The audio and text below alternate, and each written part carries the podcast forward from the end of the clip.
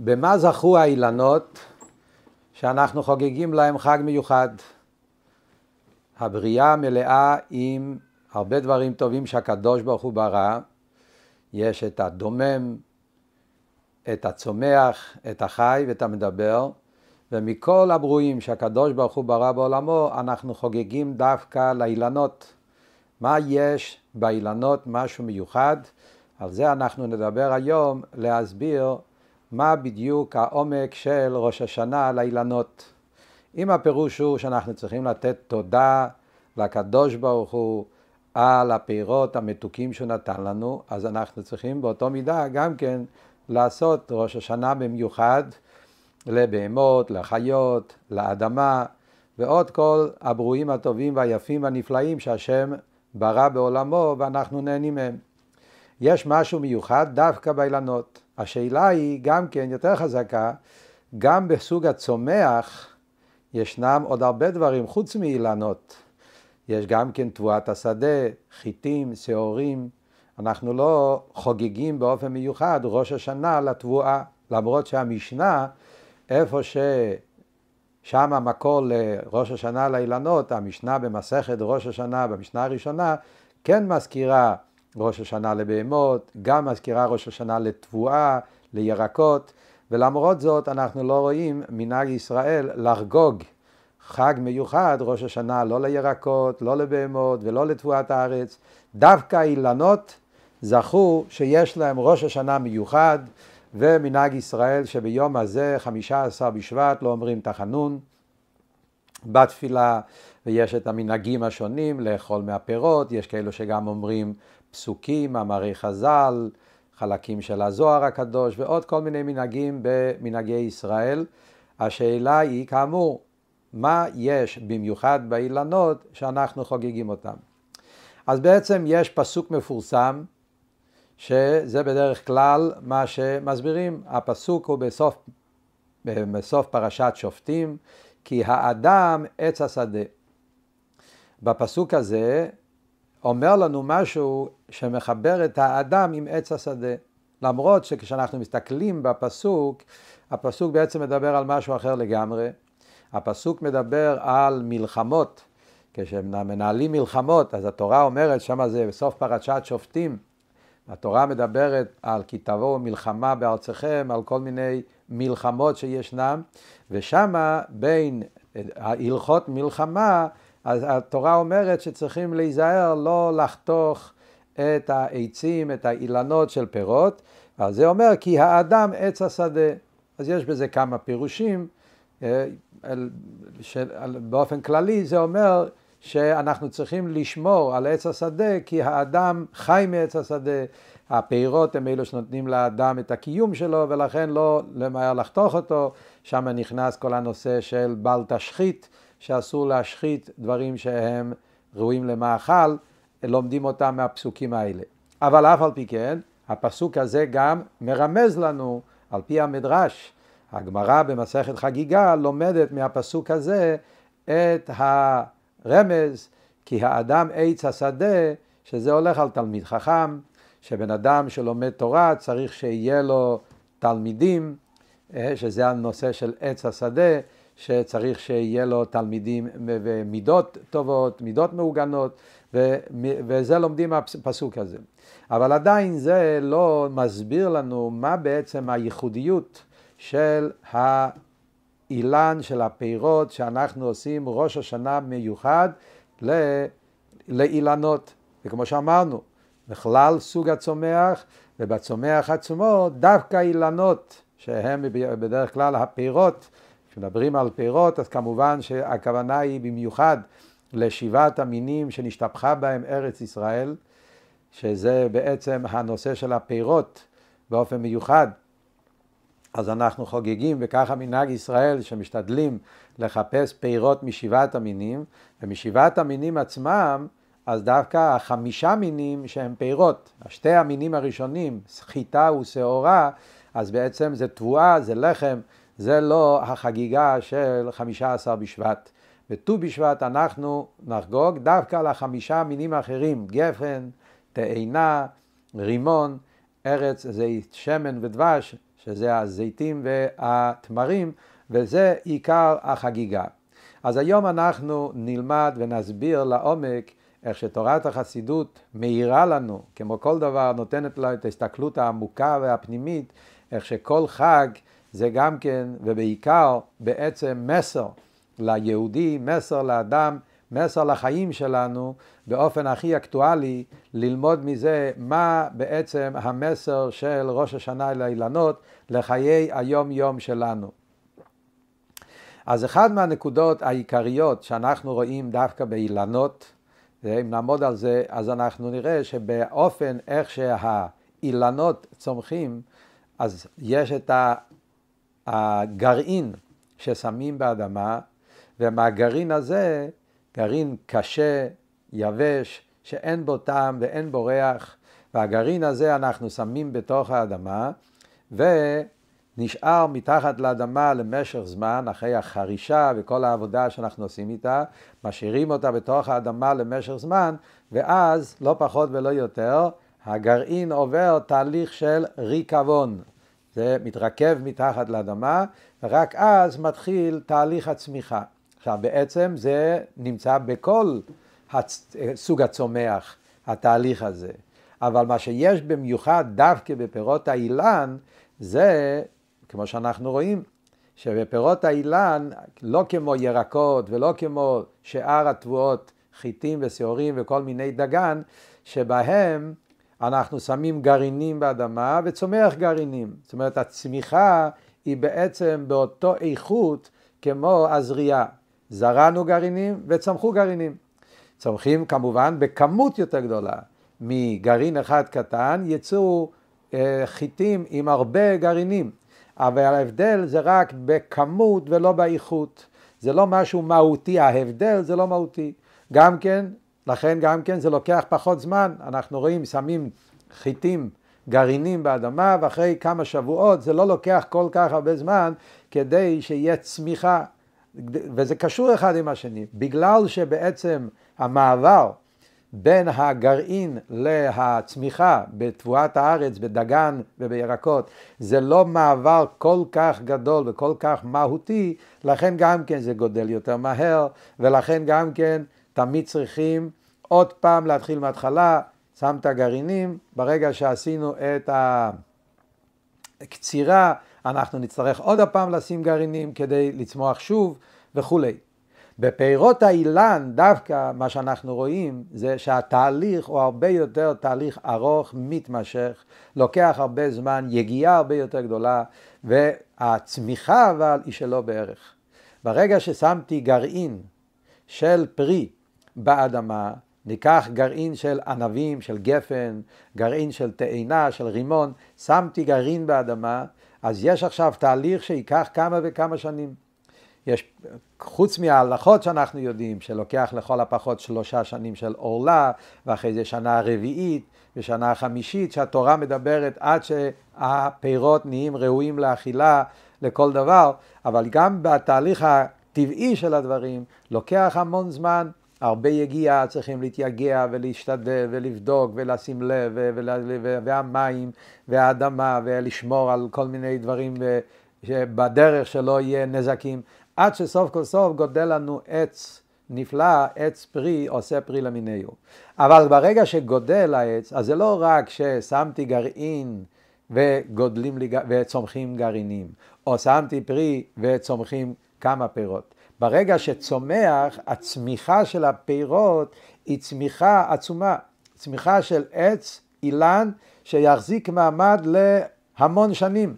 אותו עץ כבר יהיה עץ פרי, עושה פרי למיניהו, ואנחנו רק נצטרך לשמור על העץ הזה, והוא כבר יצמיח פירות ופירי פירות לאורך ימים ושנים טובות. זה הדבר הנפלא שרואים בפירות האילן. ועוד דבר אחד, לפני שאנחנו נלמד את הלקח, את ההוראה בשבילנו, זה הנושא של המטרה שיש בפירות. שונה משאר הדברים, שהפירות, האילן, בעצם הם לא דברים שבן אדם אוכל בגלל שהוא מוכרח לאכול. זה לא אכילה שאוכלים כדי לסבוע, בעיקרון זה אכילה שאוכלים לשם תענוג. כן? באופן כללי, הדגן זה אוכל שמשביע. לחם, מזונות, כל מיני מאכלים עוגות שבן אדם אוכל כדי לסבוע. ולכן גם כן הברכות הן בהתאם, כידוע, בהלכות ברכות, ברכות הנהנין. בפירות האילן, רובם ככולם, אם לא כולם, הם דברים שבן אדם לא אוכל אותם בדרך כלל בגלל שהוא רעב. אוכלים אותם בגלל הטעם המתוק שיש להם, יש להם תג, חמוץ, מתוק, טעמים מיוחדים, וזה, אוכלים את זה לעידון ולתענוג. וזה בעצם העניין המהותי שיש דווקא בפירות האילן יותר מכל שאר הדברים שדיברנו קודם. אז אם אנחנו ניקח את כל זה וננסה להבין מה המסר, מה זה מסמל לנו לחיי היום יום, לחיים שלנו. אז אנחנו נפתח בתורה של הבעל שם טוב. הבעל שם טוב הקדוש אומר על הפסוק כי תהיו לי אתם ארץ חפץ אמר השם צבאות. הקדוש ברוך הוא אומר על ידי הנביא כי תהיו לי אתם ארץ חפץ. עם ישראל הם כמו האדמה, ארץ חפץ. כל יהודי נחשב לקדוש ברוך הוא כמו האדמה. אומר הבעל שם טוב, מה זאת אומרת האדמה?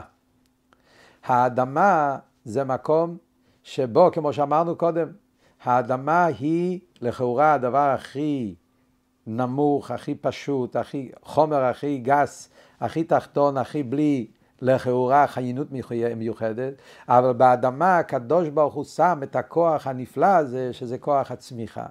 שמים גרעין באדמה וצומח. האדמה יש לה את הדברים הכי יקרים נמצא דווקא באדמה. באדמה הקדוש ברוך הוא שם את הדברים, אנחנו יודעים שבאדמה טמונים האוצרות המינרלים, האוצרות הכי גדולים והכי חשובים, אין, וכמה שאנחנו נחפש ונחפש עדיין לא נגיע לעומק מה שנמצא וחבוי בתוך האדמה. אומר הבעל שם טוב, זה הפירוש כי תהיו אתם לי ארץ חפץ. עם ישראל הוא כביכול כמו הארץ חפץ, האדמה של הקדוש ברוך הוא, ששם יש את כוח הצמיחה בתוך האדמה הזאת. עכשיו, מה אנחנו רואים בכוח הצמיחה שיש באדמה, כמו שאמרנו קודם, שלוקחים את הגרעין, שמים אותו בתוך האדמה, ושם מתחיל את התהליך של קודם כל הדבר מתרכב, ואז לאט לאט צומח פירות נפלאים ומתוקים ביותר. מה זה מסמל לנו בחיים שלנו? זה בעצם, מה שזה מסמל זה הנושא של המטרה של יהודי, למה הוא נמצא פה בעולם הזה הגשמי. הנשמה שלנו, הנשמה של כל יהודי, הרי הנשמות חצובות מתחת כיסא הכבוד. הנשמות שלנו היא חלק אלוקם ממעל ממש, כמו שהאדמו"ר הזה כן מסביר בתניא, שורש הנשמה, הנשמה מגיעה מהמקום הכי גבוה, למעלה מעלה, חצובה מתחת כיסא הכבוד, הנשמה לפני שירדה פה למטה בעולם הזה הגשמי, הייתה בגן עדן, היא הייתה קשורה ונהנין מזיו השכינה, כמו שהגמרא אומרת, זה המציאות של הנשמה שלנו, כפי שהיא בעולמות העליונים. ואז הנשמה הזאת יורדת פה למטה לעולם הזה, אומרים את זה כל יום בברכות השחר. נשמה שנתת בי, טהורה היא, אלוקיי. כל יהודי בהתחלת היום אומר את הברכה הזאת. אלוקיי, נשמה שנתת בי, טהורה היא. הנשמה שלי היא בעצם טהורה, לא הייתה טהורה, היא עכשיו טהורה. המהות של הנשמה שלנו, שהיא חלק אלוקם ממעל ממש, גם כעת, היא בעצם טהורה. אבל אתה בראתה, אתה יצרת, אתה נפחת בי ואתה משמרה בקרבי. הקדוש ברוך הוא הוריד את הנשמה מעולם לעולם, ממדרגה למדרגה, עד שנפחת בי בתוך הגוף שלנו, גוף גשמי, חומרי, כביכול כמו דומם עפר מהאדמה. זה הרי המציאות של הגוף. וייצר השם את האדם, עפר מן האדמה. מהעפר הזה נוצר האדם, וזה הגוף שלנו. וכאן מתחיל התהליך הנפלא של ה... מה שנקרא תהליך הצמיחה של היהודי בעולם הזה הגשמי. התהליך הזה, יש לזה, כמו שאמרנו, יש את החלק של הריקבון, יש את התהליך שהנשמה כשהיא יורדת פה למטה, מתחברת עם הגוף, עם העולם הגשמי, עם המציאות הגשמית, אז יש, לוקח זמן אנחנו רואים את זה כל אחד ואחד בחיים שלו. יש את התהליך בחיים של רגעים, ימים, תקופות, שאנחנו בחיפוש, ואנחנו לא בדיוק יודעים מה בדיוק אנחנו עושים פה בעולם, מה המטרה שלנו בחיים, ואז הבן אדם אה, מתחיל את העבודה שלו להתחיל איך אני בעצם עושה, איך אני, מה, בשביל מה אני נמצא פה בעולם.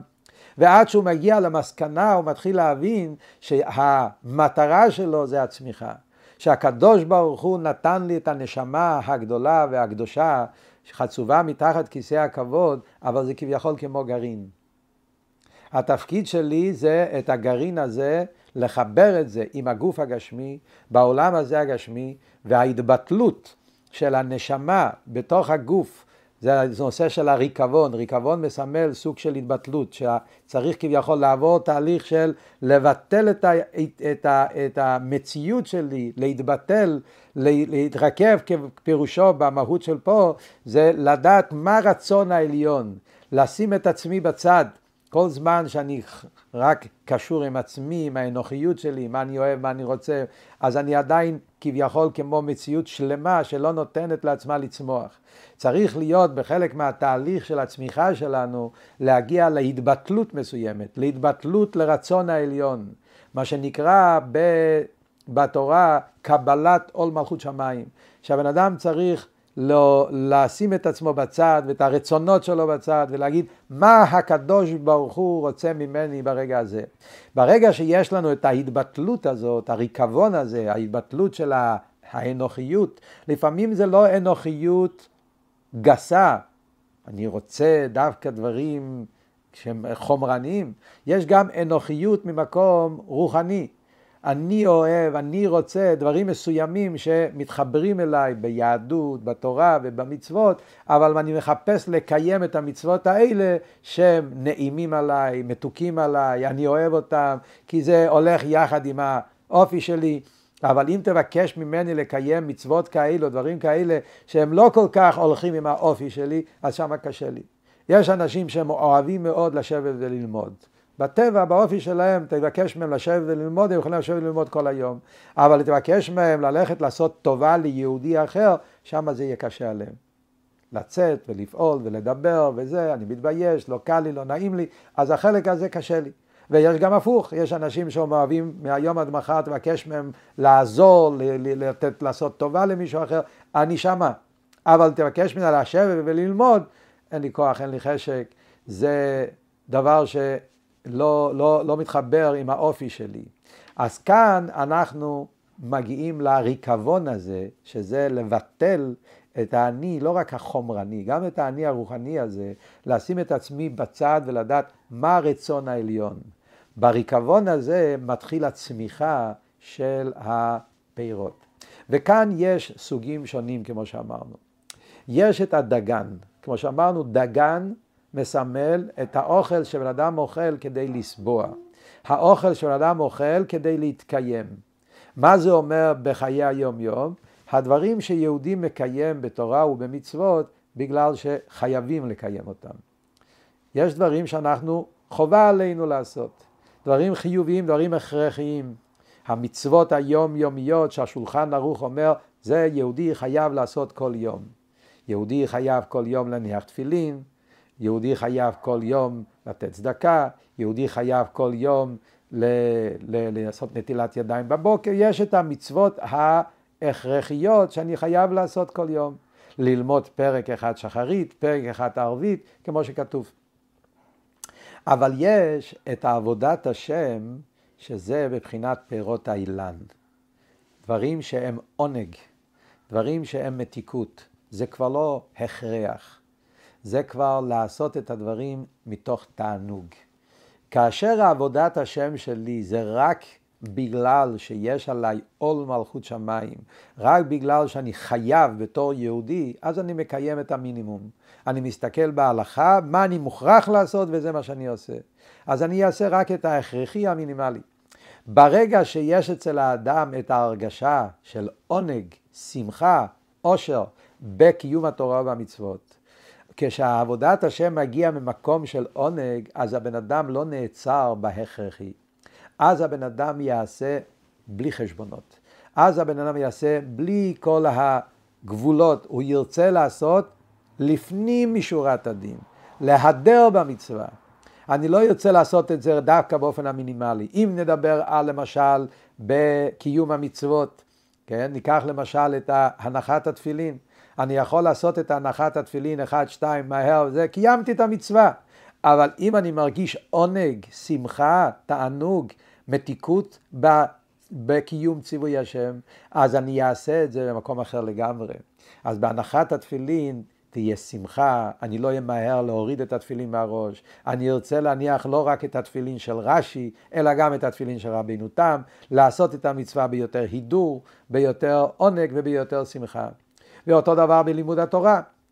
ברגע שיש לי רק אם הקיום של לימוד התורה זה רק את ההכרחי, אני אגיד בסדר, אני יוצא ידי חובה עם הלכה אחת בבוקר, הלכה בערב, אני אלמד את המינימום, קיימתי, אני בסדר עם הקדוש ברוך הוא. אבל זה עדיין לא הנושא של ט"ו בשבט.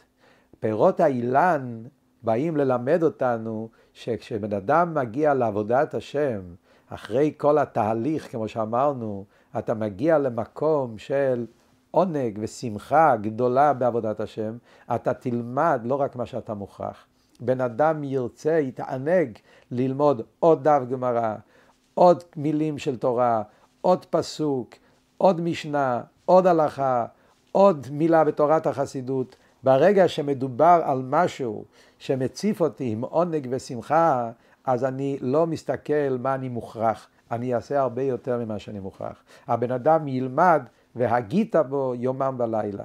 או כמו שאומרים, לפעמים הוא גם יגזול, יגנוב מהזמנים שהוא צריך אה, לעשות דברים אחרים, איפה שאני יכול עוד להישאר עוד כמה דקות, ללמוד עוד איזה כמה מילים של תורה. ואותו דבר במצוות הצדקה. יש את החובה ההלכתית שיהודי צריך לתת מעשר מהרווחים שלו, עשר אחוז. ברגע אבל שמדובר ליהודי שאצלו תורה ומצוות, עבודת השם, זה מגיע ממקום של עונג, אז עבודת השם היא באופן אחר לגמרי. אז גם הצדקה שהוא ייתן, הוא לא רק ייתן עשר אחוז, הוא ישתדל להגיע ל-20 אחוז, כמו שחכמינו אומרים. ממצוות הצדקה, ההידור זה לתת עד 20 אחוז. ועוד יותר, לפעמים הוא אפילו לא יסתכל על זה, כמו שהאדמו"ר הזקן אומר בתניא, שלפעמים כשמדובר, כמו בנוגע לבריאות הגוף, כחס ושלום כשבן אדם צריך בשביל בריאות הגוף הוא לא מסתכל על החשבונות של הכסף. הוא יעשה כל מה שהוא צריך כדי שהוא יוכל להגיע לבריאות הגוף. כל שכן כשמדובר על בריאות הנשמה אז בוודאי ששם הבן אדם לא יסתכל על שום חשבונות ולפעמים הוא ייתן גם צדקה יותר מ-20% כדי לתקן את נפשו, כדי לרפות את נפשו וכולי וכולי אז כאן המסר הנפלא של החג הזה של ראש השנה לאילנות. מה יש מיוחד דווקא באילנות, כמו שאמרנו? דבר ראשון, הדבר המיוחד שמסמל הנושא של הצמיחה, שזה משהו מאוד מאוד מהותי בחיים של יהודי. מה שזה מהותי בחיים של יהודי, שאנחנו ארץ חפץ, יש לנו את כוח הצמיחה. אנחנו רואים בפסוקים בתנ"ך על כל פרי, עם ישראל נמשל לכל הסוגי פירות. זה דבר נפלא, אם מסתכלים בפסוקי התנ"ך, אנחנו נמצא שלפעמים עם ישראל נקראים כמו גפן, גפן ממצרים תסיע, תהילים, פרק פ', שממשילים את עם ישראל כמו גפן. עם ישראל נקרא תאנה, כתאנה, כבקורה ראיתי אבותיכם. עם ישראל נמשל כמו זית, פרי עץ, אה, זית רענן, פרי עץ תואר, ראיתי אתכם, זה הולך על זית. אה, רימונים, שלחייך כפרדס רימונים, שיר השירים, דמת לתמר, אנחנו נמצא את כל הפירות שעם ישראל נמשל בהם. ועם ישראל כמובן נמשל גם לדגן, גם לתבואה, גם לחיטים ושעורים. קודש ישראל להשם ראשית תבואתו. אז תבואתה או תבואתו זה הולך על תבואה. אבל כאן אנחנו מדברים בדיוק על הנקודה הזאת. כשמדברים על תבואה, עדיין זה לא סיבה לחגיגה. כשמדברים על צמיחה של דגן, של הדברים שהם הכרחיים, הם חובה. ואם זה חובה, עדיין אתה לא תחגוג את זה. זה מה שיהודי אמור לעשות. בשביל זה הנשמה שלנו ירדה לעולם הזה לקיים את ההכרחי, שזה הנושא של הדגן, שזה קיום המצוות ההכרחי, זה בעצם החובה על כל יהודי, ועם זה עדיין אנחנו לא חוגגים. חמישה עשר בשבט, ט"ו בשבט, החג הזה של ראש השנה לאילנות, כי האדם עץ השדה מסמל את הדבר הנפלא הזה שיהודי יש לו את היכולת לעבוד את השם ממקום של עונג, ממקום של שמחה, ממקום שבו הוא יעשה את הדברים לא רק מה שמוכרח בהם, אלא הדברים שהוא עושה מתוך תענוג מיוחד. וכמו שאמרנו, כדי להגיע לזה התהליך הוא יותר ארוך. לעבוד את השם באופן הכי מוכרח, לא צריכים תהליך כל כך גדול. אבל עבודת השם, שבן אדם באמת ירגיש שמחה, עושר, תענוג, ועבודת השם מהמקום הזה, זה דורש מאיתנו עבודה יותר גדולה. בשביל זה צריכים לחשוב יותר, להתבונן יותר, להתעמק יותר, להבין מה אנחנו עושים פה בעולם, להבין את, ה, את הדבר הנפלא הזה שקיבלנו את המתנה הגדולה הזאת שהקדוש ברוך הוא נתן לנו, את החלק אלוקה ממעל ממש, ואת התורה והמצוות שהם חוכמתו ורצונו של הקדוש ברוך הוא, בשביל זה אנחנו צריכים ללמוד את הדברים שמלמדים אותנו, פנימיות התורה, שמלמד אותנו את הפנימיות של הנשמה, את הפנימיות של התורה, מסבירה לנו את הגן, את הפרדס, את, הדבר, את, ה, את, ה, את העונג הנפלא שיש בעבודת השם ובתורה ומצוות, ודווקא אז עבודת השם היא בצורה הרבה יותר שמחה ומענגת, וזה החג של ראש השנה לאילנות. אז כשאנחנו נמצאים עכשיו בחג הזה של ראש השנה לאילנות, אנחנו נראה דבר נפלא. ולמה אנחנו חוגגים את זה דווקא ביום חמישה עשר לחודש? זה מעניין. כשמסתכלים במשנה, ארבעה ראשי שנים, אז המשנה, כל הארבע ראשי שנים הם כולם בראש חודש. יש ראש חודש ניסן, ראש השנה למלאכים ורגלים, ראש חודש אלול, ראש השנה לבהמה, יש ראש חודש תשרי, כולנו מכירים, ראש השנה לכל המון דברים שהמשנה מונה שם, חמש-שש דברים שהם ראש השנה של א' תשרי, ואז מגיע שבט, אז יש בית שמאי אומר גם כן פה ראש חודש, בית הלל אומר חמישה עשר, וככה נקבעה, נקבעה ההלכה. אנחנו חוגגים דווקא בחמישה עשר. וזה דבר פלא. למה דווקא ראש השנה לאילן זה בחמישה עשר לחודש, ולא כמו כל שאר ראשי השנים, שזה בראש חודש. על פי החשבון זה מתאים יותר. ראש חודש, ראש השנה. בגלל שזה ראש חודש, זה הראש, זה התחלה, זה הנקודה, הירח נולד מחדש, זה הראש של כל החודש, אז גם הראש השנה לנושאים מסוימים נקבע בראש של החודש. ראש חודש ניסן זה ראש השנה למלאכים ורגלים, ראש חודש תשרי זה ראש השנה לשנים ולאדם וכולי, כל הדברים שאנחנו יודעים על ראש השנה. למה בקשר לאילנות, אז ההלכה נקבעה דווקא לט"ו, לחמישה עשר בחודש ולא בראש חודש. וזה בעצם קשור עם כל מה שדיברנו קודם. כי הראש השנה הזה של ט"ו בשבט, אנחנו לא חוגגים את הדבר המוכרח, אנחנו חוגגים את העונג. אנחנו חוגגים את השמחה ואת התענוג הנפלא שיהודי חווה בעבודת השם שלו.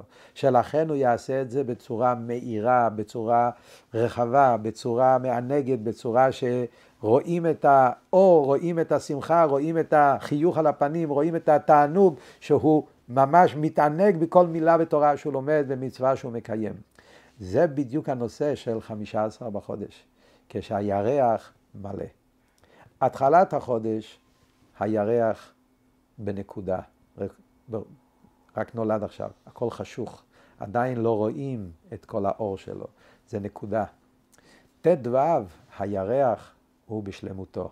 מסתכלים על הירח בחמישה עשר בשבט, רואים ירח מלא, ירח מאיר, ששולח אור לכל המציאות בתוך החושך הגדול. אנחנו יודעים שעם ישראל הוא הסמל של הירח. שהם עתידים להתחדש כמותה. עם ישראל, השכינה הקדושה, זה הירח. כשהירח בט"ו לחודש, זה הירח במילואו. זה מסמל על כנסת ישראל כשהיא מלאה אור. וזה בעצם החג של חמישה עשר באב. היהודי עובד את השם עם תענוג, עם שמחה, הוא מלא אור, הוא מלא אהבה, הוא מלא חשק, הוא מלא תענוג, ואת זה הוא מביא לעולם. את האור הזה הוא מביא לחיים. ואנחנו, בעזרת השם, כל אחד מאיתנו, שנוכל להתחבר לחג הזה של ראש השנה לאילנות, כי האדם עץ השדה, שאנחנו נהיה אנשים של אילנות, אנשים של גן, אנשים של עונג, של שמחה בעבודת השם, ואת זה אנחנו נפיץ להעיר לעולם, וזה בעצם יביא אותנו לחיים יותר מאושרים, שבקרוב ובימינו יתקיימו דברי הפסוקים שנאמרים בקשר לגילו, לנבואות של הגאולה, ששם נאמר באמת שעץ השדה ייתן פריו בחוקותיי ובעוד פסוקים, וניגש חורש בקוצר, שנזכה לראות את הצמיחה הגדולה של הגאולה האמיתית והשלמה על ידי משיח צדקנו, ויצא חוטר מגזע ישי, האילן הגדול, את צמח דוד עבדך מהרה תצמיח, וקרנו תרום בישועתך, כי לישועתך קיווינו כל היום.